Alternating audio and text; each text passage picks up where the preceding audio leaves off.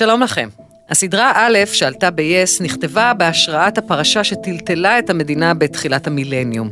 מה קורה כשמתברר שנשיא המדינה הוא אנס, והטריד לאורך השנים נשים שעבדו איתו ובטחו בו.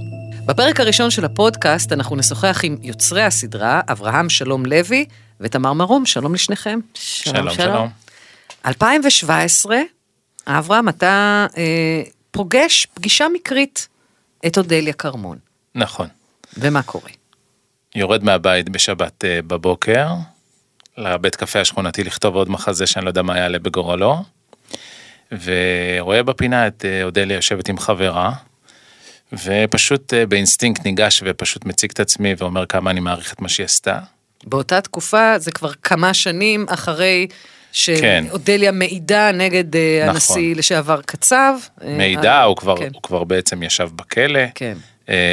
הספר שלה פורסם, הרבה דברים קרו, ואני פשוט ניגש ומדבר, והשאלה כמעט השנייה אחר כך זה איך לא עשו מזה, איך לא כתבו מזה משהו.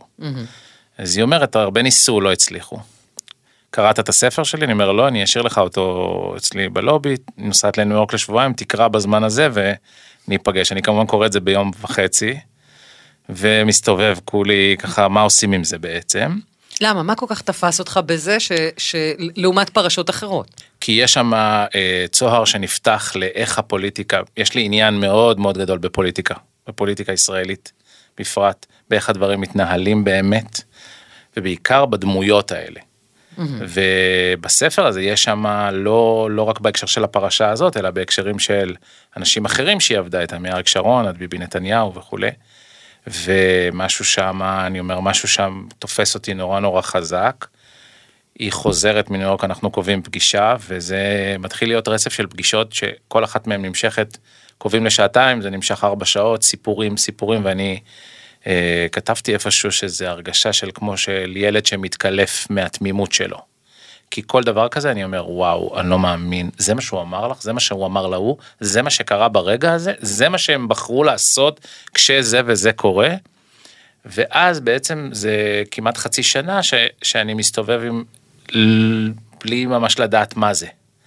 אני באתי מעולם של תיאטרון, כתבתי עד אז רק תיאטרון, חשבת בהתחלה להפוך את זה למחזה? נכון, רק מחזה, לא הבנתי, לא הכרתי משהו אחר, לא, לא היה לי את האופציות האחרות, אבל זה לא התיישב לי, זה פשוט לא ישב כמחזה, זה הרגיש לי גדול מדי בשביל מחזה. ואז אה, היה איזשהו דיאלוג אם זה אולי סרט, ואודליה כל פעם אמרה, אתה, אתה חופשי לעשות מה שאתה רוצה. אגב, אה, למה היא כל כך בטחה בך? הרי לא הכרתם קודם. מה, איך הצלחת לקנות אותה, זה- לשבות אותה ככה? תמר רוצה לענות על זה? אני לא יודעת מה לענות על זה, זה אתה. אה, אני לא יודע, גם על ה... אני לא יודע. היא ביקשה באיזשהו שלב אחרי הרבה פגישות, ביקשה לקרוא מחזה שלי. אממ. ואז שלחתי לה מחזה והיא התקשרה אחרי יומיים, וואו, זה מחזה מדהים, ואתה כותב מדהים, ואיזה כיף ש...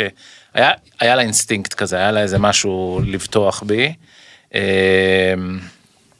ואז אני באמת מנסה כל מיני ניסיונות, באיזשהו שלב פתאום אמרתי לעצמי, זה סדרה.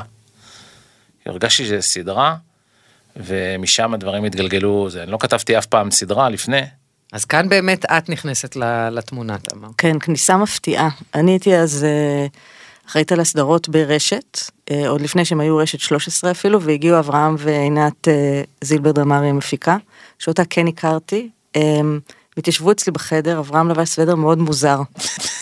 זה מה שאת זוכרת תפס מהמפגש. אותי, זה תפס אותי מאוד. הם סיפרו, ותוך דקה אמרתי, טוב, זה לא רק משהו שחייבים לעשות, זה גם משהו שאני הייתי מאוד רוצה להיות מעורבת בו.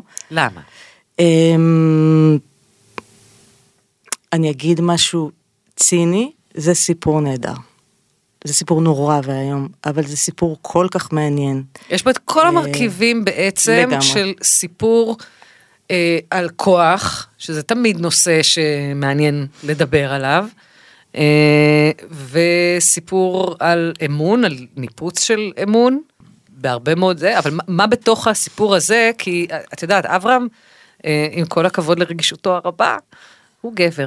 לגמרי. זה סיפור אמ, של נשים. זה סיפור של נשים, אה, אוטומטית, אני חושבת שכל אישה שהיא בגיל הרלוונטי, אני רוצה לקוות שהנשים הצעירות יותר, מצבן קצת אחר, אבל אני לא בטוחה בזה בכלל, לצערי.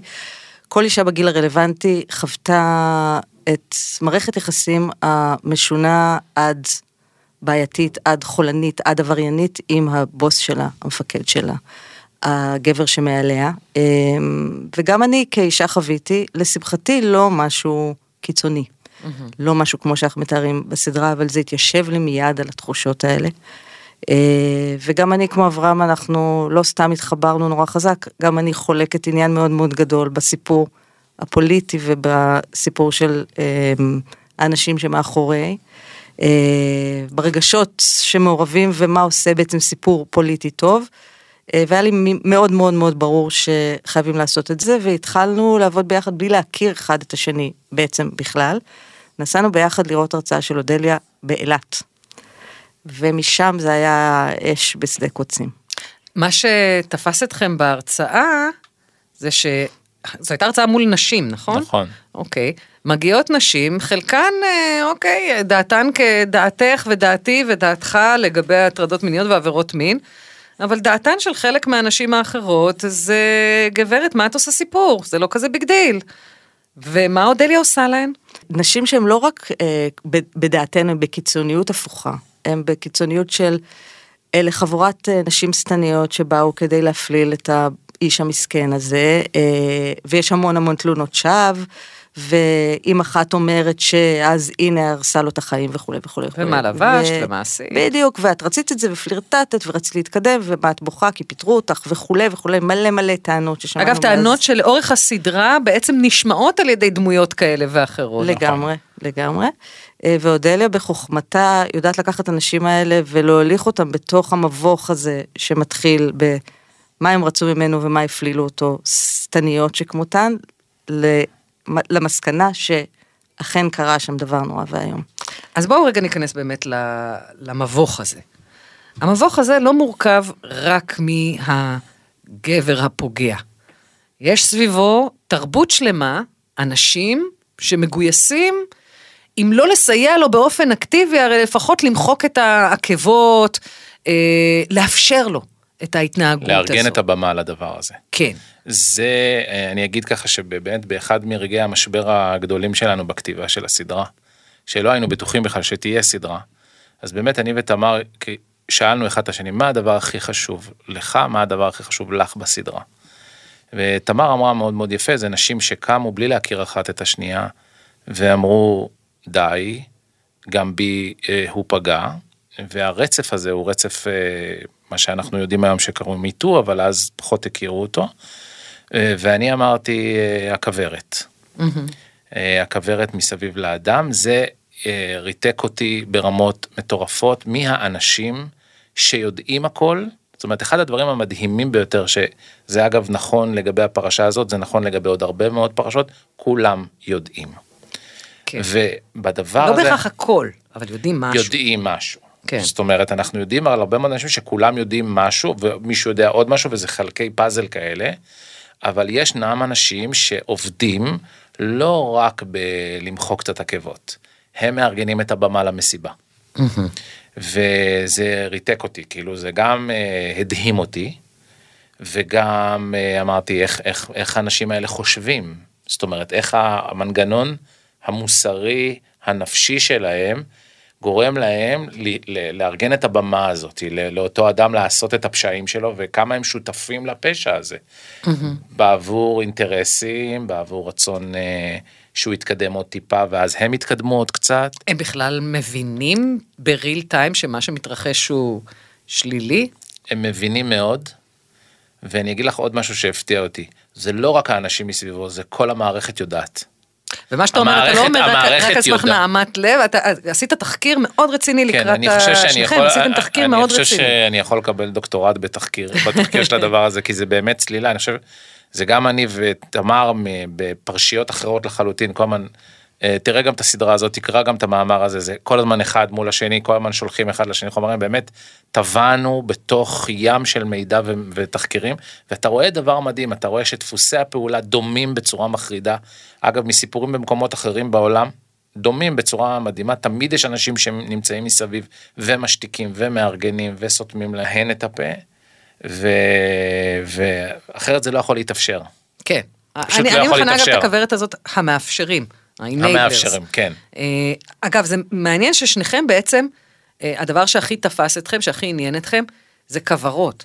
הכוורת שנוצרת מסביב לאלף, וצריך לומר א' בסדרה, זה בעצם האות הראשונה, לא רק של אה, אושרת, שממנה מתחיל הסיפור, אלא גם של אביגיל, שהיא העובדת השנייה, וגם של הדמות שלך, אבי נועם, נכון. יועצו של הנשיא, ומי שהוא מה, בכיר המאפשרים נכון, ב, בסיפור נכון. הזה. בעצם כוורת של הנשיא, שהיא כוורת מאוד משוכללת, שכל דבורה בה יודעת בדיוק מה תפקידה, והעסק הזה כבר מתקתק הרבה מאוד שנים. נכון. והכוורת החדשה שנוצרת, כוורת של נשים, שמתארגנות בכוורת החדשה הזו כדי להפיל את הכוורת הישנה. לגמרי. חשוב מאוד לזכור שהסיפור שבהשראתו כתבנו קרה לפני מיטו. וקרה כן. לפני רשתות חברתיות. כן, אה, קשה להרכיב כוורות בכזה מצב. הכוורות כן. היו קשות יותר להרכבה וביצוע, אה, כי זאת פעם ראשונה שבעצם נשים חברו זו לזו בלי להכיר אחת השנייה, הם ראו אישה אמיצה שיצאה ודיברה, והחליטו לחבור אליה בלי לדעת מי זאת. מאמינה לך התחיל שם עוד לפני ההשטג מאמינה נכון. לך. אה, היום אנחנו רגילים למצב שבו חשיפה היא אף פעם לא קלה, היא מאוד מאוד מאוד קשה, אבל אני משערת שיותר קל לכתוב פוסט מאשר להתקשר לעיתונאית או לעיתונאי, אה, שאת לא מכירה ואת לא מחוברת בהנחה שאת לא קשורה לעולם הזה בשום צורה, הכל יותר זמין, ויותר קל באיזשהו אופן לענות לפוסט ולהגיד, גם אני. גם, אה, תשמעי, באמת הלגיטימציה השתנתה, ולכן לגמרי. באמת, מה שמרתק בסדרה, זה שלכאורה לא עבר הרבה זמן. מה, אנחנו מדברים על תחילת המילניום, ובואו, שלושתנו כאן, נגיד את זה, לא, לא דמויות מאוד צעירות. אה, זאת אומרת, אנחנו שייכים לדור שמצד אחד חי את העולם הטכנולוגי של היום, נכון. אבל מצד שני עוד זוכר כשלא היה סלולרי ולא היה אינטרנט ולא היו רשתות חברתיות, ובאמת כדי לחבור האחד לשנייה, אשכרה היה צריך לדבר זה עם זו. נכון. אה, וזו כאילו מציאות, יקום אחר לגמרי, גם. בנורמות שלנו כחברה, ומה אנחנו מוכנים להכיר בו כפשע ומה, ומה לא. זה גם זה וגם אני חושב שמשהו ב... בממלכתיות באופן עקרוני גם נסדק. משהו ב... בדבר הזה של הממלכתיות הישראלית הלך בשנים האלה הלך ונסדק. אני חושב בעזרת רשתות חברתיות אבל הפגמים יותר בחוץ היום. כשאתה בא לדבר על נשיא מדינה זה זה לא זה כבר לא ה... לא קדוש זה כבר לא קדוש ואז. כן. זה כן מאוד קדוש. זאת אומרת יש איזה התפרקות של הדבר הזה שגם תרמה כי אתה רואה יש את הבן אדם שמאחורי הדימוי. פה יש דימוי נורא חזק ואיש נורא חזק וזה מאוד משמעותי. זה אבי האומה. זה ממש אבי האומה זה אז העיסוק הוא בפירוק של אבי האומה. אז בואו באמת ניכנס לדינמיקה שמאפשרת את, ה, את הדברים האלה. הפרק הראשון נפתח עם השבעת הנשיא, דמות חדשה נכנסת למשכן, ובמקביל נכנסת למשכן דמות נוספת, הדמות של אושרת. את רוצה קפה? אני? כן, כן, את. איך קוראים לך? אושרת, מורנו. סליחה, אני עוד לא קלטתי פה את השמות. אני חדש פה. גם אני חדשה, אני נכנסתי לעבודה רק לפני שבועיים. היא מקבלת את ההזדמנות של החיים שלה, לעבוד בבית הנשיא, לא בתפקיד בכיר במיוחד, היא פתאום ככה מטפסת, אבל לעבוד בהיכל הכל כך אה, אה, מפואר הזה, ואיך בעצם, אה, תתארו לי את הדפוס, איך מצליחים לגרום למישהי כזו ליפול בפח? דפוס חוזר. מגיעה אישה שמקבלת באמת הזדמנות נפלאה לתפקיד נחשק. אה, ולפרנסה טובה, ואולי לקביעות, ואולי להתקדמות, ולהיות עובדת מדינה וכולי וכולי וכולי. וממזכירה מאוד מאוד פשוטה, היא לאט לאט אחת שמתחילים נורא להקשיב לה. היא המלכה של הלשכה. היא אומרת איזושהי עצה טובה, אה, יש לה איזשהו הישג בעבודה, ואומרים, את זאת אנחנו רוצים בפגישות. את זאת אנחנו רוצים בסיור, את זאת אנחנו רוצים שתבוא איתנו לנסיעה לחו"ל, והיא מתחילה לטפס, ואז גם יש לה המון מה להפסיד, כי היא כבר לא המזכירה הפשוטה, היא כבר מישהי שמקשיבים לה, מישהי שהתקדמה. ואז מגיע הרגע שבו אה, היא נורא נורא נורא מופתעת, שהוא אומר לה, אני ממש מצטער, אני לא יכול להפסיק לחשוב עלייך, אני חושב שהתאהבתי בך, לא קרה לי דבר כזה בחיים. מחמאה אדירה. לא קרה לי דבר כזה בחיים, ואת אומרת, יואו, איזה פדיחות, איזה מסכן, מה אני עושה עכשיו?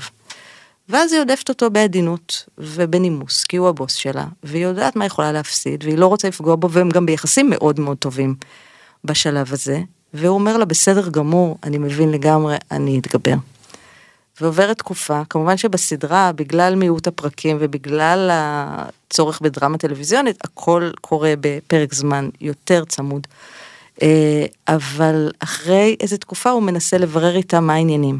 האם היא חשבה על מה שהוא אמר. וכשהיא אומרת שזה לא מתאים לה, הוא מנסה בכוח.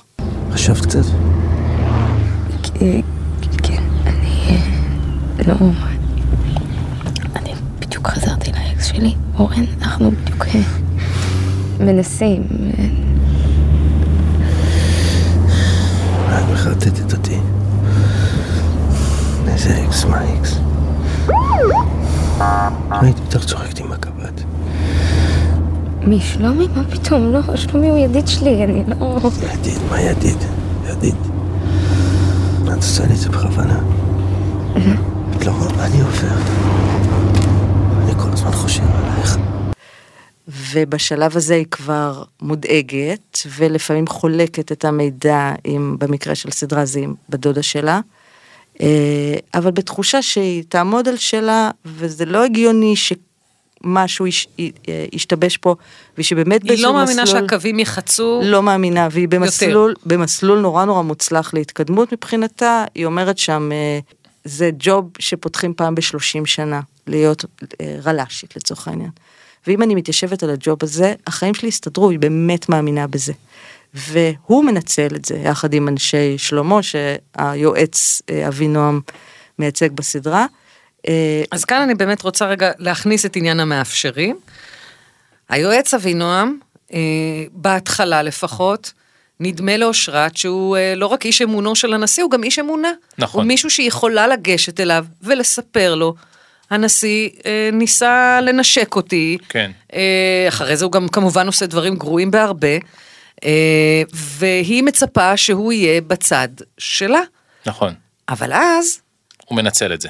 בדיוק. הוא כן. מתהפך עליה, אני רוצה רגע שנשמע את הקטע הזה, הרגע שבו בעצם הדמות שאתה מגלם ב- בסדרה, מתהפכת לא רק מול אושרת, אלא גם מולנו כצופים, אנחנו תפסנו ממנו עד, עד אותו רגע, אולי דמות קצת אה, צינית, קצת מחוספסת, אבל גוד גאי בגדול. כן, בגדול. כן, ובסצנה אחת באוטו, זו סצנה שאותי מאוד תפסה, אה, פתאום אה, הייד הופך, ג'קיל והייד אה, אה, מבצעים את החילוף, נכון. ולאושרת מתחיל להיות ברור שלא רק שהוא לא הולך לעזור לה, הוא הולך לרסק אותה. בוא נשמע. לא אוהב שמאיימים עליי. תלכי למשטרה, זה יהיה מילה שלך מול מילה של נשיא המדינה. ומילה של נערת ליווי זה קצת פחות תופס, לא? אני שונא. אני תחת ליווי. חלאס אושרת, זה לא אישי נשמה. אני גם לא נכנס למה שהיה בינך לבין הנשיא. זה ביניכם. אני באתי לפה בטוב. הסצנה הזאת בעצם מגיעה אחרי שהיא כבר אה, עזבה את הלשכה. זאת אומרת, אחרי שהיא עברה שם כבר גיהנום והיא הצליחה אה, לעזוב, ובעצם מה עושה עובדת כשעוזבת, או עובד לצורך העניין שעוזב עבודה, הוא מבקש מכתב המלצה מהבוס הקודם, כי בכל מקום ישאלו איפה עבדת, למה עזבת, והאם יש לך המלצות. והיא מבקשת מכתב המלצה שלא מגיע ולא מגיע ולא מגיע ולא מגיע, והיא מאוד זקוקה לו, כי היא בעצם כמו בסולמות ונחשים, היא, היא נפלה חזרה לתחילת הלוח. היא כבר היא טיפסה. נפלה מתחת אפילו. לגמרי. ממש. אה, והיא מחכה למכתב הזה, ובסצנה הזאת בעצם אומר לה, את רוצה את המכתב, הנה מה שאת צריכה לתת בתמורה. זה מה שאת נותנת בתמורה. והדפוס הזה חוזר על עצמו שוב ושוב, כן. וכך בעצם מתברר לנו שככה אפשר לסגור את הסיפור בלי שמישהי תוכל להתלונן. איך- מתבררת לנו השיטה. כן, בעצם, בדיוק. מתבררת שיטה, זה לא דבר חדש, הוא לא המציא את זה הרגע.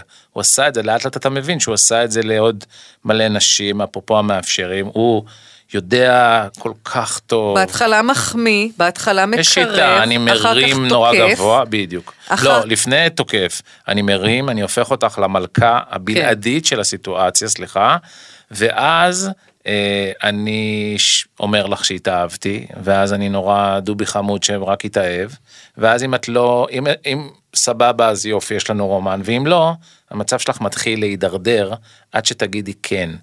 ואם את לא אומרת כן, המצב שלך מגיע להשפתות של ההשפתות, ואנחנו נראה לך, לא שאנחנו רק נוריד אותך, אנחנו נדרוך לך לראש, ואת לא תעבדי יותר בכלום, אין לך שום תקווה בעולם. זאת השפלה נוראית. זה השפלה נוראית, והתעללות אובססיבית. במיוחד שזה מגיע מאנשים כל כך כל כך חזקים. עכשיו, עוד דבר אחד ומאוד מאוד חשוב, אושרת באה מבחינת, מבחינת איך שאני תופס את הדמות הזאת מתודעה שהמקום הזה הוא לא שייך לה.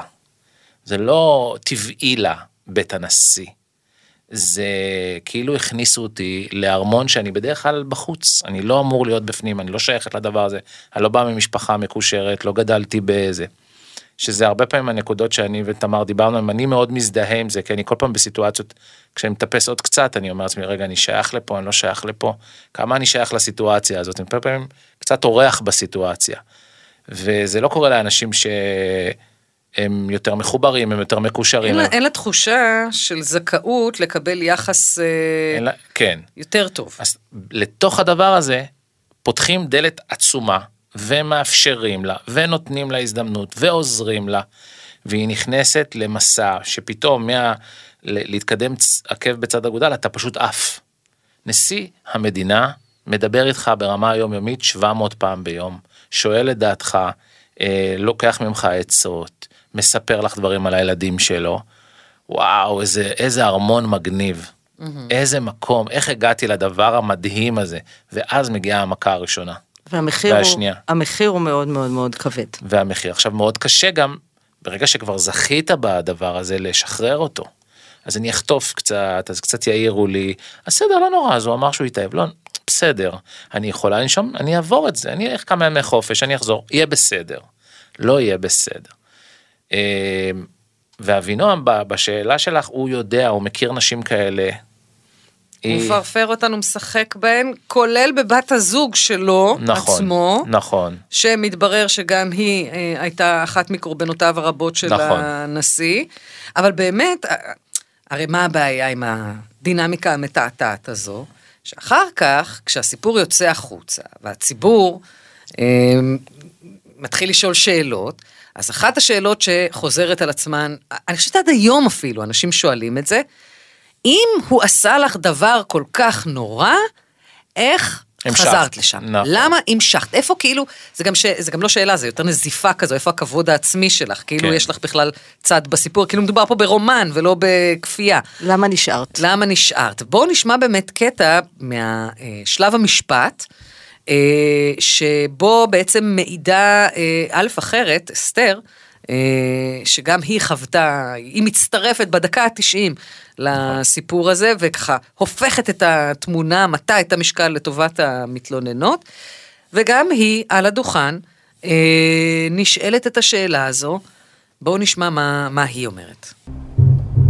לפי ציר הזמן שאת מתארת, את נשארת לעבוד בלשכה עוד יותר משנה אחרי מה שנשמע לכאורה כמו תקיפות מיניות קשות ואונס ממש.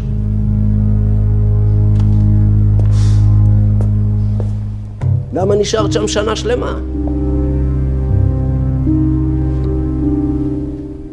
אנחנו נחכה עוד הרבה זמן לתשובה שלך.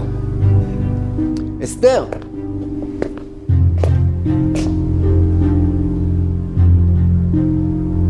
לקח לי זמן להבין בתוך מה אני נמצאת. שהוא ממש מתעלל בי. לקח לך גם זמן ללכת להתלונן. אפשר להגיד שאת אישה שלוקחת את הזמן. כבודו. ההערה האחרונה תימחק. ה- האינטראקציה הזו בין אה, אסתר לעורך הדין שמגיע לרסק אותה, זה משהו שהיינו שמחות להגיד שנשאר אה, בהיסטוריה של איך חוקרים נאנסת או איך חוקרים מוטרדת, אבל זה קורה גם היום. קורה גם היום, והיה לנו מאוד מאוד חשוב להראות מה קורה למתלוננת, אה, וזה דבר קשה ביותר, וזה גרם לי לחשוב עשרות פעמים לאורך העבודה, מה הייתי עושה. מה היית עושה? אמ, צר לי מאוד להעיד על עצמי שיש סיכוי שהייתי מטפלת בעצמי ושותקת. כי הן עוברות גיהנום שקשה לתאר במילים, אה, ומכיוון שחקרנו גם את הפרשה הזאת, אבל גם פרשות נוספות, גם בארץ וגם בעולם, זה פשוט דפוס חוזר. גם בחקירות המשטרה, גם אם זה מגיע ל- לבית משפט, אה, קודשים אותם לאבק, אה, השפלה נוראית, חוסר אה, רגישות קיצוני ביותר, אה, מקרים זוועתיים של בואי תדגימי מה היה וכולי וכולי וכולי, והן נכנסות לאיזה מין מסלול שחור ביותר, שבסופו לעתים די נדירות יש אה, הרשעה. הרשעה, ניצחון, איזושהי כן. הקלה. אה, היה זה לנו- גם טראומה בפני עצמה, העדות היא טראומה בפני עצמה. היה לנו מאוד חשוב להראות את הצד הזה שהוא צד לא יפה. אה, ולא נעים ולא אה, וגם לא בו- הכרחי ולא. הכרחי והוא עדיין קורה הוא קורה בהמון מקומות וקרה גם במקרה הזה ונדרש איזה אומץ לב ועמידות מאוד מאוד מאוד גדולה של הרבה נשים אין. עכשיו מצד אחד היה לכם חשוב להראות את זה, אבל רציתם להראות כל מיני זוויות של הסיפור הזה. כל פרק בעצם מראה את הסיפור מנקודת מבטה. אה, זאת אומרת, אנחנו הולכים. פה על ציר זמן, כן? אה, זה, זה, יש, יש כרונו, כרוניקה של אירועים, אבל כל פעם אה, בנקודה הזו, בכרוניקה של האירועים, דמות אחרת בעצם, הפרק מתואר מנקודת מבטה. נכון. אנחנו מתחילים באושרת, ובשלב מסוים אנחנו גם מגיעים לנקודת מבטו של הנשיא. איך הדברים נראים מנקודת מבטו? אז זה היה אחד הפרקים שהיה לנו הכי קשה לכתוב. ותמר הגדירה את זה פעם, אה, זה להכניס את היד לתוך, ה... לתוך הג'יפה ולהתפלש בה קצת, ואני מכיר את זה מנקודת מבט של שחקן, שכדי לפצח דמות, אני תמיד כשאני מלמד משחק אני אומר את זה, כדי לפצח דמות אתה לא יכול לשנוא את הדמות. אתה חייב למצוא את הדרך שבה הדמות הזאת היא דומה לך באיזשהו אופן. שלפחות תכונה אחת אתה מזהה בך והווליום פשוט שונה. כדי להצליח לפצח אותה. ואני חושב שיש בזה איזה משהו גם בכתיבה, להבין מה בדמות הזאת הוא לא רע מוחלט. מה בדמות הזו הוא לא רע מוחלט? מה מצאתם שם שיכולתם, אפילו, אני לא יודעת אם לחמול עליו, אבל אה, אני, להבין אותו. אני מצאתי שאדם שמגיע מכל כך נמוך למקום כל כך גבוה, באמת אה, בעשר אצבעות, זה באמת דבר די מדהים. זאת אומרת, הנקודת מוצא הזאת של להתחיל באמת, אנחנו מדברים עכשיו, זה אז מאוד... מה, ח- זה סחרור? זה שכרון כוח? מה זה? זה, זה, כן, זה או שזו יוהרה. תחושת זכאות. זה- דפקו אותי, אז מותר לי, זו הרשעה המוסרית שלי, כי אני אה, אכלתי אותה מספיק פעמים בעבר, אז אה, יכול להיות. נדפוק כי נדפקנו. זה- זה- נדפוק כי נדפקנו זה אופציה אחת. והאופציה השנייה זה באמת אה, כמו איזה מטאור. בן אדם שמגיע באמת מאפס של האפס, בלי קשרים, אנחנו מדברים הרבה על אה, פריבילגים ולא פריבילגים, באמת לא פריבילג. באמת מגיע משום מקום ומצליח כל פעם לטפס עוד קצת, כשמסביבו יש אנשים, האם אימא של הסופר של הפריבילגים, ועדיין הוא מטפס עוד קצת ועוד קצת, בכל השיטות האפשריות, וכשאני צריך אה, להגיע רחוק, אבל אין לי את הקשרים הנכונים, אז הכל כשר. קצת הכל כשר. אז אני קצת גונב סוסים פה, ואני קצת מרמה שם, ואני קצת אומר להוא, ואני קצת לובש על עצמי דמות של המסכן, שלא יכול לעש- לעשות שום דבר רע, ואז אני מתגנב יכול ל, להיות גם- ל, ל, למקום הראשון, זאת אומרת, יש פה יכול איזה להיות דמות. גם שהוא לא מפרש את הדברים ככל כך רעים, ככל כך שליליים. יכול אני- להיות שתפיסת המציאות שלו היא אחרת. אני חושבת שאדם כזה, אה, וזה הייתה תחקיר פסיכולוגי מאוד מאוד אה, מורכב לסדרה הזאת כדי להבין איך איש כזה חושב. ואני חושבת שאדם כזה, ויש עוד דוגמאות מעוד תחומים, בונה לעצמו סוג של נרטיב שלאורו הוא חי. ואם הוא יוותר על הנרטיב הזה אפילו במילימטר, הוא מתפרק לחלוטין. הנפש מתפרקת. אה, הנפש מתפרקת. עכשיו, הוא בונה לעצמו נרטיב של אני באמת הגעתי מכלום, אני ניצחתי המון אנשים גדולים בדרך, אה, אני עבדתי מאוד מאוד מאוד קשה, אה, וזה הדמות שבהשראתה כתבנו, והמון דמויות נוספות דומות. עבדתי מאוד מאוד מאוד קשה כדי להגיע למקום שהגעתי, וגם עשיתי המון דברים טובים בדרך, בתחומים אחרים. אז הרווחתי את הזכות לעשות את זה. והרווחתי, אני אדם טוב. כן. אה, אני אדם נחמד. אני אדם שמגיע לו, כי עבדתי כל כך קשה והתאמצתי מאוד. אם אני אוותר במילימטר על הנרטיב הזה, אני באמת יכול לפתוח את החלון ולקפוץ החוצה, כי אני לא קיים, הדמות שלי מתפוררת. ואני חושבת שהוא מחזיק את הדמות הזאת, הדמות של הנשיא, מאוד מאוד מאוד חזק, ויש לו שם גם סצנה מאוד משמעותית עם אמא שלו, שהיא אישה מאוד חזקה ודומיננטית, והיא אומרת לו, אנחנו לא עשינו. זה שטויות, זה עניינים של בית משפט. אנחנו נעבור את זה, נגמור את זה, זה יהיה מאחורינו. אתה הולך, מקלקל לנו את השם שלנו, כי קצת קשה לשולה ולילדים. למה לנו היה קל? אני מהפה שלי הוצאתי אוכל, נתתי לך. הקשר ביניהם מוצג אפילו כחזק יותר מהקשר שלו עם אשתו. ואחד הפרקים מבקש לראות את המציאות דרך עיניה של ראיית הנשיא. העניין הוא שזה משהו שקצת קשה לתחקר לאור העובדה שלא שמענו עדויות. איך עשיתם את זה? רצינו באמת להתעסק באיך האישה של מרגישה, לפני כאילו האדם הקונקרטי. איך אישה שבעלה מואשם בכזה דבר מרגישה ומה היא ידעה או לא ידעה, ומה היא הבינה ולא הבינה, מה היא הדחיקה ומה לא הדחיקה. ומה היא הדחיקה ומה לא הדחיקה. המציאות בפנים שלה, מתקשרת אליה אושרת, מספרת מתקשר- אליה. נכון. מתקשרת אליה. היא יודעת מה קורה. נכון. היא לא, זאת אומרת, מה זה יודעת? יודעת ב-level מסוים, אבל מבינה שקורה משהו, ומנערת את זה מעצמה. אני חושבת שזה היה פרק אה, מבחינה מסוימת שהיה הכי מעניין לכתוב אותו, כי בכל הסדרה התעסקנו בדברים שקרו באמת, במציאות שנתנה לנו השראה, ובהמצאות שלנו. זה היה הפרק שהיינו צריכים להמציא הכי הרבה.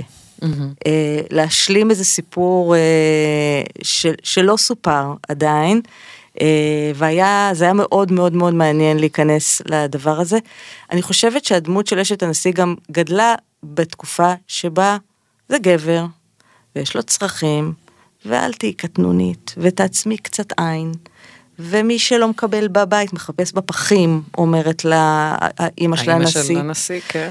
וזאת הייתה תפיסה מאוד מאוד דומיננטית בשנים האלה של בסדר, זה גבר זה גבר, ובוא ניתן לו זה. עכשיו, נכון. אבל אני לא חושבת שהיה חושבת... פה עניין, את יודעת, קצת כמו עם עובדות הנשיא שהוא, הן תלויות בו, גם היא תלויה בו. אין נכון. לה כלום בלעדיו. מי בלעדיו בכלל? נכון, אבל זה גם עניין זהותי, זאת אומרת, היא לא תלויה בו רק בהיבטים ה... זה עניין זהותי, כי אם הדבר הזה מתפרק, גם היא מתפרקת. כן, זה והמש- אנחנו, זה זה לא אנחנו, רק הוא. בדיוק. והעניין נכון. הזה של אנחנו, כמו אנחנו לא מודים, או אנחנו לא עשינו שום דבר, אני שמעתי את זה באיזה הקשר אחר של, של מישהו אחר, וזה תפס את האוזן שלי כל כך חזק, ה- אנחנו לא עשינו. זאת אומרת, יש פה איזה משהו, אנחנו לא עשינו, אנחנו לא שייכים לדבר הזה. אה, זה לא שלנו, זה לא אנחנו, זה דבר מדהים, כאילו אין יחיד, זאת אומרת, גם הוא, הפעולות שלו בעולם הם בשם כולנו, וגם הדברים הרעים שכביכול הוא עשה, זה גם אנחנו, כן? אז זה, זה דבר אחד. והדבר השני זה שלא מפרקים משפחה. פשוט לא מפרקים משפחה. והדבר הזה הוא הרבה יותר גדול, והערך הזה הוא הרבה יותר עליון מכל דבר אחר. וגם אם זה אומר שאת עכשיו שותקת, ואת גם, צריכה לשתוק. כי גם היא חלק מהנרטיב הזה, שאם הוא מתפרק, היא לא קיימת יותר. אז כולם נאחזים בדבר הזה כמו באיזה גלגל בים סוער, ואומרים, אנחנו נגיע לחוף. כן. והם כמעט מגיעים לחוף. זאת אומרת, זה לא כל כך רחוק מלהגיע לחוף. אז, אז לא היינו רחוקים מהחוף, בוא נגדיר את זה ככה. החוף יכול היה להיות במקרה הזה עסקת טיעון. נכון. אה, הפרק שהתעסק, שבו בו עלה העניין של אה, עסקת הטיעון, אה, הייתם צריכים לדחוס את הכל מאוד ככה צפוף, הלוואי שמערכת המשפט הייתה עובדת במהירות באותה. מהירות כמוכם, כן. כן. לא, בכל זאת לקח לכם חמש שנים אה, להרים סדרה, זה עדיין זמן. אה, הרבה פעמים, אני מניחה, חשבתם מה היה קורה אם כן הייתה נחתמת עסקת טיעון. זה הדלתות המסתובבות הקלאסי, והיה מישהו לאורך הדרך שהציע לנו את ההצעה הזאת, לשחק עם הרעיון, ואני מאוד אוהבת את המשחקים האלה, לחזור לשולחן השרטוטים ולהגיד בוא ננסה משהו כן. אחר. ואינסטינקטיבית שנינו התנגדנו קשות לעניין הזה, אמ, ובהתחלה לא הבנו למה. והתייעצתי אז עם אה, מישהי שהייתה אה, מאוד בכירה בכל ארגוני הנשים ומרכזי הסיוע, ושאלתי אותה מה היה קורה, אילו.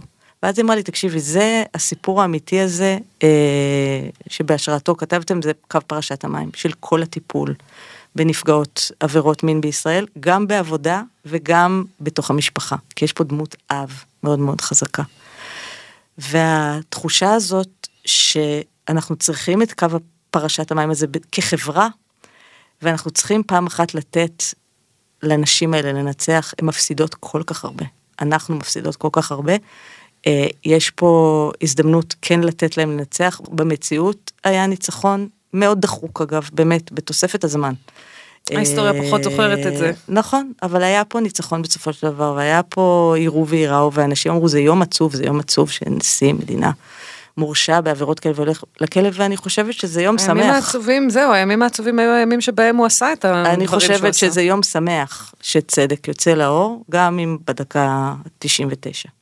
אנחנו ב-2023, התחלתם את העבודה ב-2017, והאירועים שאתם מתארים מתרחשים 20 שנה כמעט uh, קודם. Uh, נגיד שהסדרה הזו הייתה uh, נוצרת, נגיד שלא הייתם מתעכבים כל כך הרבה. אתם חושבים שהיא הייתה נראית אחרת, שהפרספקטיבה שלכם הייתה נראית אחרת? כי הרי בשנים האחרונות, אני חושבת שבאמת, השבע, שמונה שנים האחרונות, אה, הן שנות אה, תאוצה באיך אנחנו מדברים על דברים כאלה, מה אנחנו רואים בתוך המקרים האלה. נניח שהיית פוגש את אודליה ב-2017 וב-2019 כבר הסדרה הייתה יוצאת. היא הייתה נראית ככה? אני רוצה לענות על זה דווקא. יאללה. אנחנו טבענו בתוך חומר שהלך והצטבר בשנים האלה עוד ועוד מקרים שהתפרסמו ועוד ועוד דברים שקרו ועוד ועוד תחקיר פסיכולוגי. טבענו בתוך ערימה של סצנות ודמויות שמאוד התקשינו. אני לא אה, מתחשבנת איתכם על למה. לקח כל כך הרבה לא. זמן, זה בסדר. לא, אבל אני אומרת, המון המון חומר הצטבר בתקופה הזאת, כן. אה, שהפך אותנו מצד אחד ליותר חכמים ויותר בקיאים, אבל גם הרבה הרבה יותר מבולבלים. אה, ובעצם הסדרה קיבלה את פרצופה האמיתי כשמויש נכנס לעבודה, מויש גולדברג, שהוא הבמאי, פגשנו כ-20 איש שעשינו להם פיצ'ים של הסדרה ולא הצלחנו להתחבר, או שהם לא הצליחו להתחבר, או שהיו כל מיני בעיות, ואז נכנס בן אדם לחדר ואמרנו, אוקיי, זה האיש. אה, והוא לא... סליחה רגע שאני פותחת פה סוגריים, תמר. אלה גברים. מה הם יכולים אה, לראות, אה, לא, זה בסדר, זה נשמע, אני יודעת, עכשיו כשאני שומעת את זה, נשמע כאילו אמרתי, הם נאצים, לא.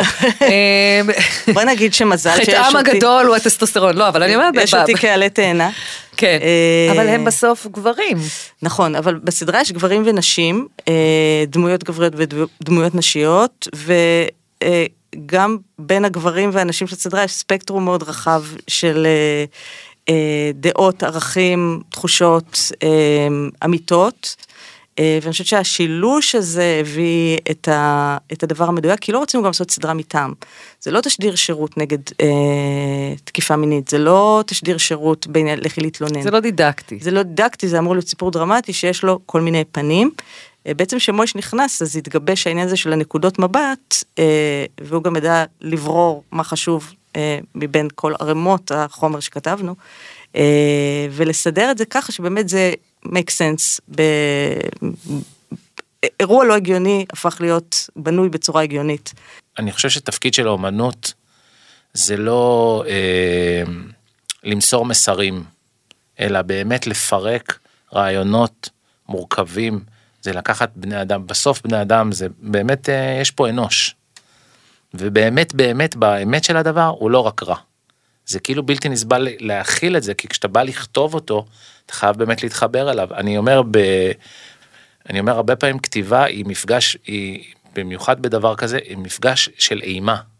כי אתה אומר, רגע, אני ממש מרגיש רע, אני ממש, וואי, למה היא עושה לו את זה, או למה עושים לו את זה? אתה ממש מזדהה עם הדבר הזה, וזה, וזה שובר את הנפש, כי אתה אומר, רגע, אה, פ, פ, פ, פ, פ. וואו, הבן אדם שעשה להם את זה. תראה, אומרת, בעבר כן היה מותר להציג, מה זה מותר? זה היה מקובל, להציג אה, אה, את דמות הנבל כנבל מוחלט. שחור ולבן. נכון. השינוי הגדול התחיל, אה, כולנו יודעים, בסופרנוס, כשפתאום יש את ה- הנבל שהוא גם מעניין, נכון. ונחמד ומצחיק ו... ומופרע. נכון. אבל, אה, אבל, כן, אה, אבל אתה לא יכול... עגולה יותר. נכון, כי אתה לא יכול לעשות אה, אומנות ממקום כזה, בעיניי לפחות. כן, בתחושה זה שלי. שטוח. זה שטוח מדי. גם, גם באבינום, אגב, אחד הדברים שאני חושב שהם החיבורים הכי מעניינים, זה שהפוליטי הופך לאישי. ברגע מסוים בסדרה, זה, זה לא משהו חיצוני, זה לא האי. זה לא ההוא, לא טיפלתי בזאת, זה בבית שלי קורה משהו ש... שלי, בת כן. הזוג שלי נפגעה ממשהו שאני עסוק רוב הזמן לטפח. זאת אומרת, אבל- יש אבל- משמעות למה שאני עושה, יש אבל אם השלכה. באמת, אבל אם באמת אה, אה, אמרנו הדמות אה, של הנבל צריכה להיות עגולה, אז גם דמותן של הנפגעות, כל אחת אמורה להיות עגולה, זאת אומרת אלה לא אמורות להיות נשים שאנחנו רק מחבבים, נכון. רק אמפתיים כלפיהן. נכון. איך עושים את זה לדמות? אני חושב שאחד הדברים המעניינים היה זה נגיד המונולוג סיום של, של אביגיל, אה, שתמר אה, הביאה אותו נורא ב- בחוזקה, זה באמת, יש שם משפטים כל כך יפים על זה שאנחנו, יש לנו פגמים. כן. ואני חושב שברגע הזה שהפגם הוא כל כך בחוץ, אז העוצמה של הפעולה שלו מתחזקת. כי אני לא בא להגיד, אני אה, מושלמת, אני נהדרת ואני נפלאה והוא הרשע הנבל הגמור, אלא אני אדם מורכב, נכון, כנראה שגם עשיתי טעויות, וכנראה שהתבלבלתי לפעמים בדרך, ולפעמים השתמשתי קצת בדבר הזה, ולפעמים השתמשתי קצת זה בדבר לא הזה. נותן לו זכות. זה לא נותן לך זכות. הק- הקו הוא מאוד, צריך להיות מאוד מאוד ברור. גם אם את פלרטטנית, את לא לא מגיעה לך להיות מותקפת מינית. אוקיי, הזכרתם את uh, מויש גולדברג, uh, שביים את הסדרה, אז תמר, אנחנו ניפרד ממך בנקודה הזו. בכיף. ונצרף את מויש. מויש גולדברג מצטרף אלינו, אהלן. היי. Uh, מגיעים אליך שני האנשים המבולבלים האלה, תמר ואברהם, יש להם uh, יצירה, אבל יש להם גם הרבה מאוד uh, חומר שצריך איכשהו לזקק ממנו את הסיפור. והם אומרים שזה היה הג'וב שלך. אה, באמת, האמת היא, באמת to be. כי זה, קודם כל באנרגיה, איך שנכנס לחדר, זה היה הרגשה שיש אנשים שבאמת, בשיחה, יש אנשים שעושים משהו שהוא יותר חשוב מהם עצמם. ממש אמרתי להם את זה גם, הייתה הרגשה, אני לא הכרתי אותם, את תמר טיפה, שאין אגואים בחדר, ושמדברים על הדבר עצמו, ולי זה כבר עשה משהו, רצון להשתתף. אחר כך הלכתי, קראתי את הפרק, נכון, הוא היה ש... גדול מאוד, אה, הולך לכל מיני צדדים, עוד מפותל, אבל מה שישר זיהיתי, שזה הדבר הכי חשוב בשבילי, יש שם אמת שלא הכרתי. בלי אפילו להבין, להכיר אותם, ידעתי שמישהו פה צלל עמוק לתחקיר. איך שאנשים מדברים, איך שהדמויות, סצנות שבאמת, קראתי ואמרתי, אוקיי, אני רוצה לראות את זה, אני רוצה לעשות את זה. וככה התחיל התהליך, ו... ומגיע באיזשהו שלב, אה, שלב הליהוק. ואתם כן. מחליטים ללכת על שחקנים פחות מפורסמים, פחות אה, שמות גדולים אה, ומוכרים, ופחות יהודה לוי, נגיד את זה ככה. אני לא, לא חושב שהייתה לנו איזו גישה ש, ש, שאומרת את זה, אנחנו כולנו מאוד נהנינו מהתוצאה שהיא כזאת, כי אני, אנחנו באופן אישי, אני באופן אישי, ואני חושב שכולנו התחברנו לזה, מאוד נהנים לראות, אה, נגיד בסדרה אמריקאית, שמתחיל סדרה אמריקאית, רוב הפעמים אתה פשוט לא מכיר את האנשים, לא ראית את השחקנים, וזה תענוג גדול, זה נותן לך את הפרשיות הזאת של באמת להאמין שהאדם הזה הוא אדם. אז זאת הייתה התוצאה, זאת לא הייתה הכוונה, הכוונה הייתה להתאים את השחקן אה, לדמות. אבל איך אה, מלהקים אה, שחקן שירצה לשחק נשיא, אנס? אה, שם, שם התחילו לנו בעיות מסוימות. ש... מסוימות. מסוימות. בעצם נגיד- זה, היה- זה היה הליהוק הראשון, כן. ועד שלא הכרענו בו, לא המשכנו עם כל השאר. זה היה ברור שזה הליהוק אה, שאנחנו צריכים לפצח, גם בשביל הגילאים, התאמה גילאית, וגם כי הוא מרכז העניין, במובן מסוים.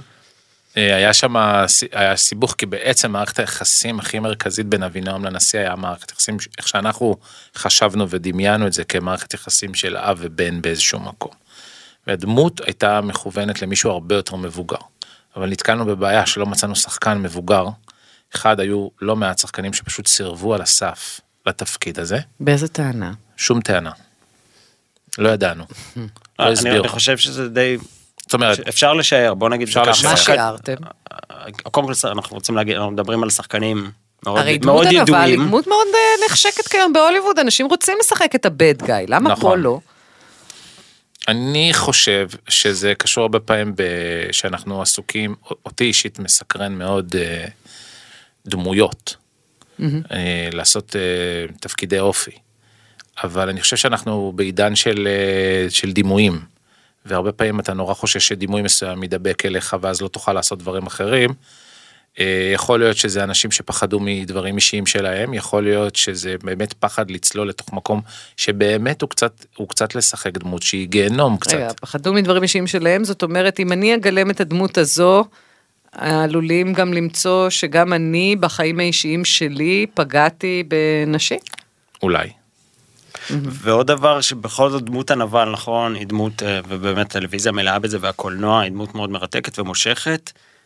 אבל גם במקרה שבהשראתו אנחנו עוסקים וגם דמות של אנס למשל לעומת דמות אפילו של רוצח פסיכופת.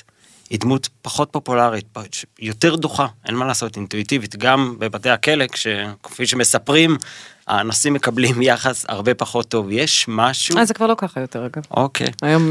אוקיי, זה הסתדר, הסתדר, כן, אוקיי, כן, אבל אני אומר, יש. משהו אינטואיטיבי שיכולתי להבין אותו, זאת אומרת שאתה מחפש דמות, אה, אה, שאתה בוחר לעשות דמות, מחפש אפילו שיהיה לה איזה סקס אפיל, דווקא באנס אין כלום, יש הרגשה שאין כלום, שבאמת אין, איפה אני אביא את הדבר שדיברתם עליו מקודם, את הדבר החיובי, איפה נמצא צדדים, אה, שמישהו יוכל לאהוב אותו. שמישהו יוכל אפילו לא לאהוב אותו, מה מעניין בזה?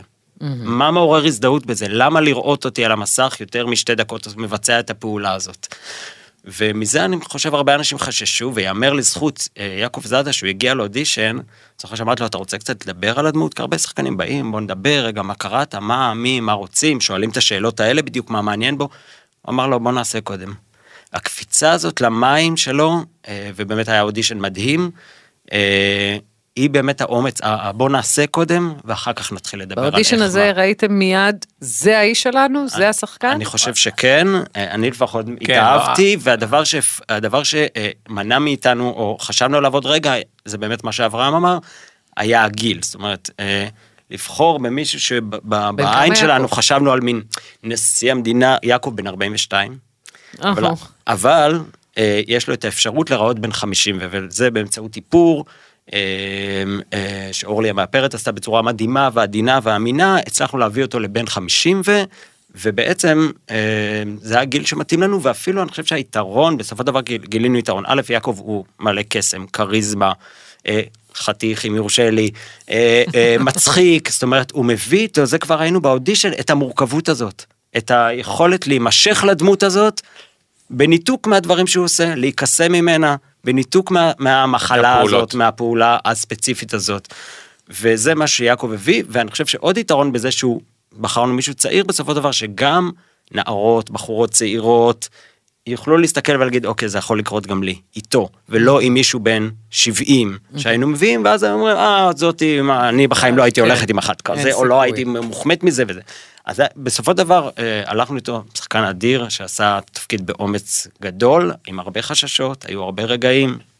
אה, ו- ומה חשבת, מויש, אני שואלת בכוונה, אברהם, את מויש, לפני שאני שואלת אותך, מה חשבת על ההחלטה של אברהם ללהק את עצמו לתפקיד היועץ, את- לתפקיד אבינועם? טוב, לא, לא בטוח כמה זה מעניין אה, דעתי, אני באופן טבעי כבמאי קצת חששתי כי לא הכרתי אותו, אבל ככל שעבדנו בתהליך והלכנו, זאת אומרת זה היה צריך, אה, דרוש הוכחה ממנו. לא, אבל בדרך ודרוש- כלל זה לא כל כך בריא ללהק את עצמך לדברים שאתה כותב, כי אז תלוי, אתה תלוי. עלול להיות אה, מאוהב יותר מדי בטקסט של עצמך, אז ופחות פתוח אז אני רוצה לשינויים. לספר על זה סיפור, כי בתחילת הדרך של הכתיבה של הפרויקט, אז באמת אה, הייתה דמות נורא נורא קטנה שקראו לה נחומי, הוא היה יו- יועץ כזה קטן של הנשיא בכלל, ובאחת השיחות עם יס, עם אה, דגנית, היא זיהתה את הדמות הזאת ובעצם הפכה את כל הדבר ואמרה לי למה שהוא לא יהיה הגיבור. וזה פתאום פתח לי כזה, זה מה שאמר, בוא נספר בכלל את הסיפור הזה דרכו. ובאיזשהו שלב הסדרה הלכה לשם בכלל.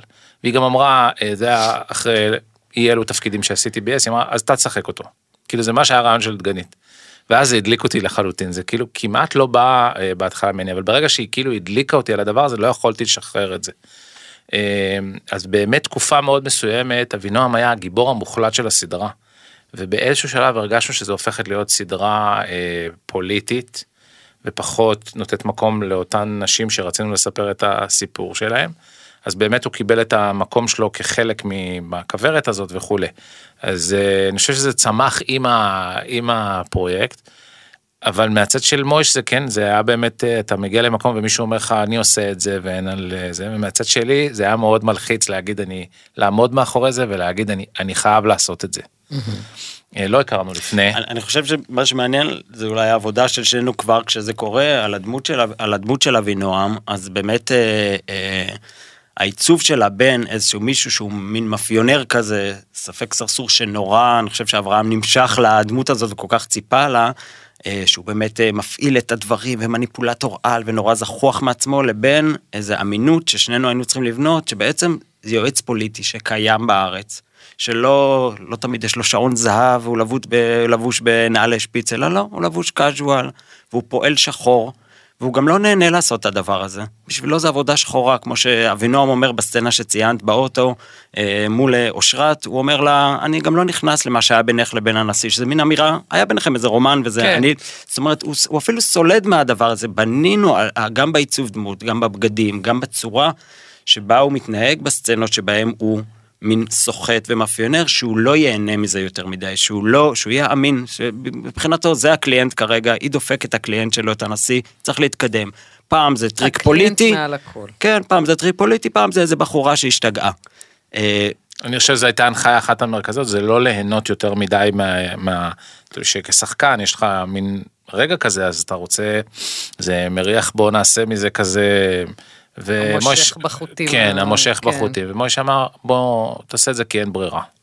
ואז זה באמת לקח לאיזה משהו משחקי טיפה אחר, בהרבה מאוד מקומות. אני חושב שגם ברגע שזה הופך להיות אישי, באלמנט שאמרתי, עם, ה- עם הבת זוג שלי ואיתו, אז זה כבר בכלל נהיה גם אפשרות למנעד רגשות אחר לחלוטין. פתאום האיש הזה הוא פגיע זהו, וכואב גם, לו. גם בלי לגלות יותר מדי, צריך לומר, הדמות אה, של אבינועם, גם היא נבגדת. נכון, אה, נכון. במהלך הפרקים. ו... אבל אולי הסצנות ה... הכי טריקיות לבימוי, אה, זה סצנות של אונס. אה, לאו דווקא, אבל הן מרתקות, תכף אני אגיד למה לאו דווקא. לא, כי אני אה, אומרת, כן. תראה, אין, אין יותר הטנגו האחרון בפריז. אתה לא יכול יותר היום לבוא שלא לשחקנית, שלא נדע, כן? לא להגיד לה כלום ולתת לשחקן הגבר לעשות בה דברים איומים, שאחר כך זה טראומה לכל החיים. קלאסיקה וטראומה בו זמנית. היום כבר יש מתאמות אינטימיות, ככה כן, קוראים לזה? נכון.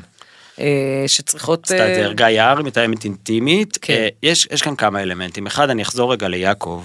אה, מה שהיה מדהים לראות, גם באודישנים, גם בחזרות וגם בצילומים, זה שמי שסובל יותר מהסצנות האלה, אה, זה יעקב, וזאת התוצאה הייתה, כן? כמובן שכל תשומת ללב הייתה מופנית לנשים, לשחקניות, לדנה ולנלי, ששיחקו את א'-איות למיניהם המוטרדות. אבל כל פעם באתי אליהם ואמרתי, אפשר לעשות טייק, את בסדר? אה, והם אמרו, ברור, בוא נעשה טייק, ותגיד גם ליעקב, שהכל בסדר. לא שהכל בסדר, שיעשה באמת. אה, יותר חזק. שיתקדם, אנחנו רוצות, כשחקניות, כשותפות ליצירה, שיהיה אמין, כן? שלא יחוס, הם הבינו את המצב. ויעקב הייתי בא אליו ואמרת לו, בוא נעשה טייק, והוא מסתכל עליי ואומר לי, אפשר לגמור עם זה? זאת אומרת, ברור שהוא ישתתף פעולה ויעשה, אבל ראיתי את הסבל עליו. עכשיו, אני חושב שזה הפוך ממה, ממה שתיארת עכשיו, שמאוד משמח שהגענו למצב הזה. שהגבר, קשה לו, קשה לו להיות לא, במצב אנחנו הרגשי נשמח שאף הזה. אחד לא, לא יסבול עד כדי כך, כן, אבל... אה, לא, אבל זה, זה אה, לא, מדהים אה, לגלות את מעבר זה. ל- כן. לחוויה של השחקן, הזווית. אי אפשר יותר גם, כמו שאי אפשר לעשות יותר את מה שעשו לרומי שניידר כן. בטנגו האחרון בפריז, גם אי אפשר יותר ל- את הוולגריות של הסצנה. זאת אומרת, אה, אם בעבר יכולת לשים קלוז-אפ על, על האיברים, אי אפשר יותר היום לעשות אני את זה. חושב שזה תלוי קונטקסט. לפחות בסדרה גם ראיתי שלא עשיתם את זה, בר... המצלמה ככה משחקת עם, ה... עם הסיטואציה. תראי, יש רגע ש, שהנשיא תופס את החזה של אביגיל, וזה, וזה, אני חושב שזה חשוב גם כן, חשבנו אם להימנע, היו שחקנים שרצו להיות נשיא, אפרופו שדיברנו, שאמרו, אוקיי, אני מוכן לעשות את התפקיד הזה, אבל, אבל בוא, לא עם זה. בוא נשאיר את המצלמה מחוץ לחדר כשזה קורה, ואנחנו לא, אנחנו רוצים... שזה מעניין, כי כל כך הרבה שחקניות צריכות להתלבט בסרטים בדילמה להתפשט או לא, פתאום לגבר יש התלבטות. נכון, נכון. נכון. כן. הקושי לשחק, להיות שם רגשית, אני מבין את יעקב, זה קשה. אה, אה, ואני רוצה, מה שמעניין זה שהמתאמת אינטימיות היא לא רק מכינה את הצדדים ועוזרת בחזרות ומגינה, שזה מה שאני חשבתי שהתפקיד שלה, ומאוד שמחתי ש... זה מה שאני יודעת שהתפקיד. התפקיד שלה לא? מסתבר, וזה אפילו היה מצחיק, ב- בשלב מסוים כולנו צחקנו איתה על מה שהיא עושה, היא אומרת, זה לא מספיק אמין. זאת אומרת, היא דואגת לאמינות. היא אומרת, כן, בוא נלך צעד קדימה. מה היא חשבה שאפשר לשפר? זאת אומרת, היא עשתה, שבנינו את המיזנסצנה, שזה בעצם, אה, למשל, יעקב אה, יושב, מכתיב לאביגיל, הנשיא יושב, מכתיב לדוברת שלו, הוא בא מאחורה, תופס את החזה. היא דאגה שהדברים ייראו מהחיים אמיתיים, לא הגיוני שהיא עכשיו אה, תקום, יותר הגיוני שהיא תעיף לו את הידיים, זאת אומרת, בפעולות, ביחד כמובן עוזרת לי וגם לשחקנים להרגיש שהדבר הוא טבעי. שההנחות, סליחה על הכניסה, אבל לפ- לפרטים שההנחות הן הנחות של סבל ולא הנחות של הנאה. Mm. המון המון דברים, שזה, שזה, אני חושב בסופו של דבר תורם לתוצאה שהיא גם המסר. אבל, אבל צריך לעבור דרך האמת ולא כן. דרך רק משהו דידקטי.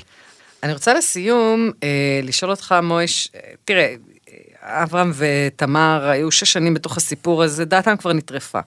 אה, אבל אתה, כשאתה מצטרף ל, לסיפור הזה וצולל לתוך הדינמיקה שקודם אה, בתחילת הפרק תיארנו על איך מתרחשת מערכת יחסים כוחנית כזו, שמובילה להטרדה, שמוביל...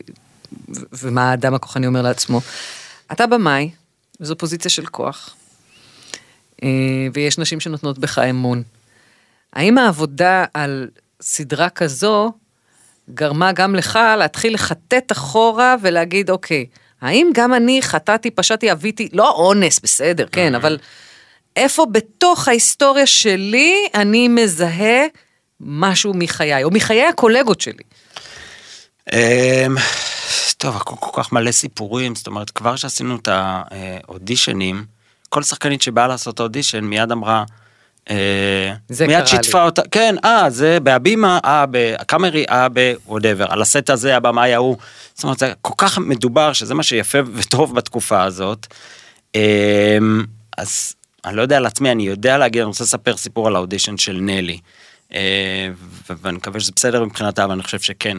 כשהיא נכנסה, נלי, ששיחקה את אושרת, כשהיא נכנסה, אני חושב שהדבר שתפס אותי באודישן שלה יותר, או לפחות כמו הטקסט עצמו והאודישן עצמו, היה ההתנהגות שלה אה, כלפינו, כלפיי וכלפי המלהקת, גם יושבת מלהקת בחדר, שהייתה אה, פשוט הדמות.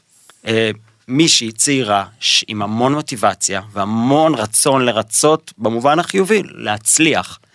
ואומרת, מה אני יכולה עוד לעשות? תנו לי עוד טייק, תנו לי עוד, תכוון אותי. אני רוצה להצליח, אני רוצה שזה יהיה שלי, תכוון אותי אתה. והרגשתי פתאום את ה... אני, אני, כאילו, את, ה, את הצורך שלה לרצות אותי במטרה מה מסוימת, זה מוציא כן? ממך?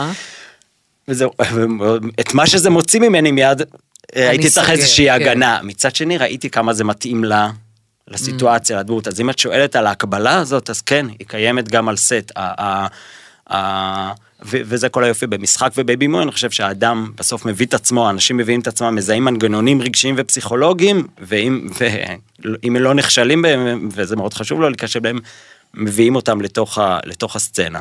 אז זה משהו על, על אה, וכמובן אצל נלי ראינו גם את ה... זיהיתי מיד גם את הכוח, כן? את האמת, היא מביאה איזה נאיביות ואיזה צעירות, היא הייתה הילדה של, ה, של הסט, אבל גם איזה ארסיות, שאם תבגוד באמון שלי, וזה גם מה שקורה בסדרה, אני אפוצץ אני את יודעת, זה. כן, ואני יודעת גם לשחק את זה, והיא משחקת את זה מדהים, את שני הצדדים, את השבריריות ואת הנאיביות, ואת זאת שתשרוף את המועדון. זה עוד משהו אחד על הליהוק שהיה חשוב לנו, דיברנו על זה בהתחלה, זה שבעצם חשבנו שהסדרה היא כאילו היא סלב. לא צריך כאילו עוד אנשים שאת יודעת שהם כאילו יעשו קידום מכירות של הדבר הזה. זאת והתוצאה, אומרת שהסיפור שלך מספיק טוב. אה, הסיפור שלך לא מספיק טוב, אה, קישוטים. אני גם אומר היום אתה בוחר לראות סדרה לא כי אתה מזהה מישהו בטלוויזיה אתה פשוט רוצה לשמוע את הסיפור הזה. ולהפך זה יותר גדול מזה כי ברגע שעשינו את הפעולה הזאתי, אני חושב שזה קרה זה קרה לא כי למישהו היה את זה בראש אז פתאום זה נורא נורא אמין אתה שואל את עצמך מי זה האנשים האלה. באמת מי זה האנשים האלה? מאיפה הם? מה זה? כאילו זה ככה זה מרגיש שאנשים רואים את זה וזה עוצמה נורא נורא גדולה.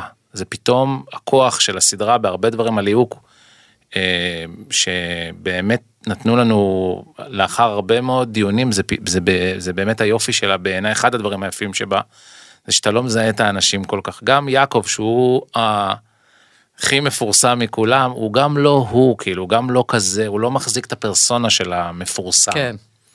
מאופר. אני רוצה לספר עוד סיפור קטן על יעקב, על, ה- על ה... סתם גם יחסי במאי שחקן, על הדבר הזה, על איך להתנהג בזה. יעקב בעצם שיחק חף מפשע. זה, זה מה- בעצמו. כן, כן. אבל יעקב עצמו, זה מה כן. שהוא שיחק, והוא גם לא היה מוכן לשמוע, ואני הייתי צריך להגן עליו במובן הזה, גם ביני לבינו, וגם בסט, למשל, שמישהו צחק, סיפר בדיחה, אונס, אנס. הוא היה מאוד, הוא היה מתרגז על זה, כי הוא ביקש, וביקשנו מכולם, לא להגיד לו את זה, הוא צריך להיות בתודעה של חף מפשע. וכל הזמן בנינו את זה, למשל בחזרות אלתרנו, והוא הוא הוציא כל מיני משפטים שבנו לו את התודעה הזאת, נגיד כשהוא בא באוטו, בהטרדה הראשונה של, של אושרת, הנשיא אומר לה, תני לי לחבק אותך, בעודו מחבק אותה בכוח. כן. המשפט הזה יצא ליעקב, ומיד הכנסנו לו תסריט, את המשפטים בוני תודעה. אה, זה היה אלתור. כן, אלתור. אה, למשל, שהוא אומר לה, כזה משפט, תני לי לחבק אותך, וזה המקומות עם יעקב, זה היה, אבל גם היינו צריכים בעצם להגן גם עליו, על התודעה הזאת, כדי שיוכל באמת לשחק את זה אמין, לקבל את ההתקפי חרדה, להיות חף מפשע, זכאי לגמרי. אה, הייתי צריך גם להגן עליו בסט. אה. אז התוצאה כאמור באלף, אברהם שלום לוי, מויש גולדברג, תמר מרום, תודה, תודה רבה. תודה רבה. תודה רבה. תודה.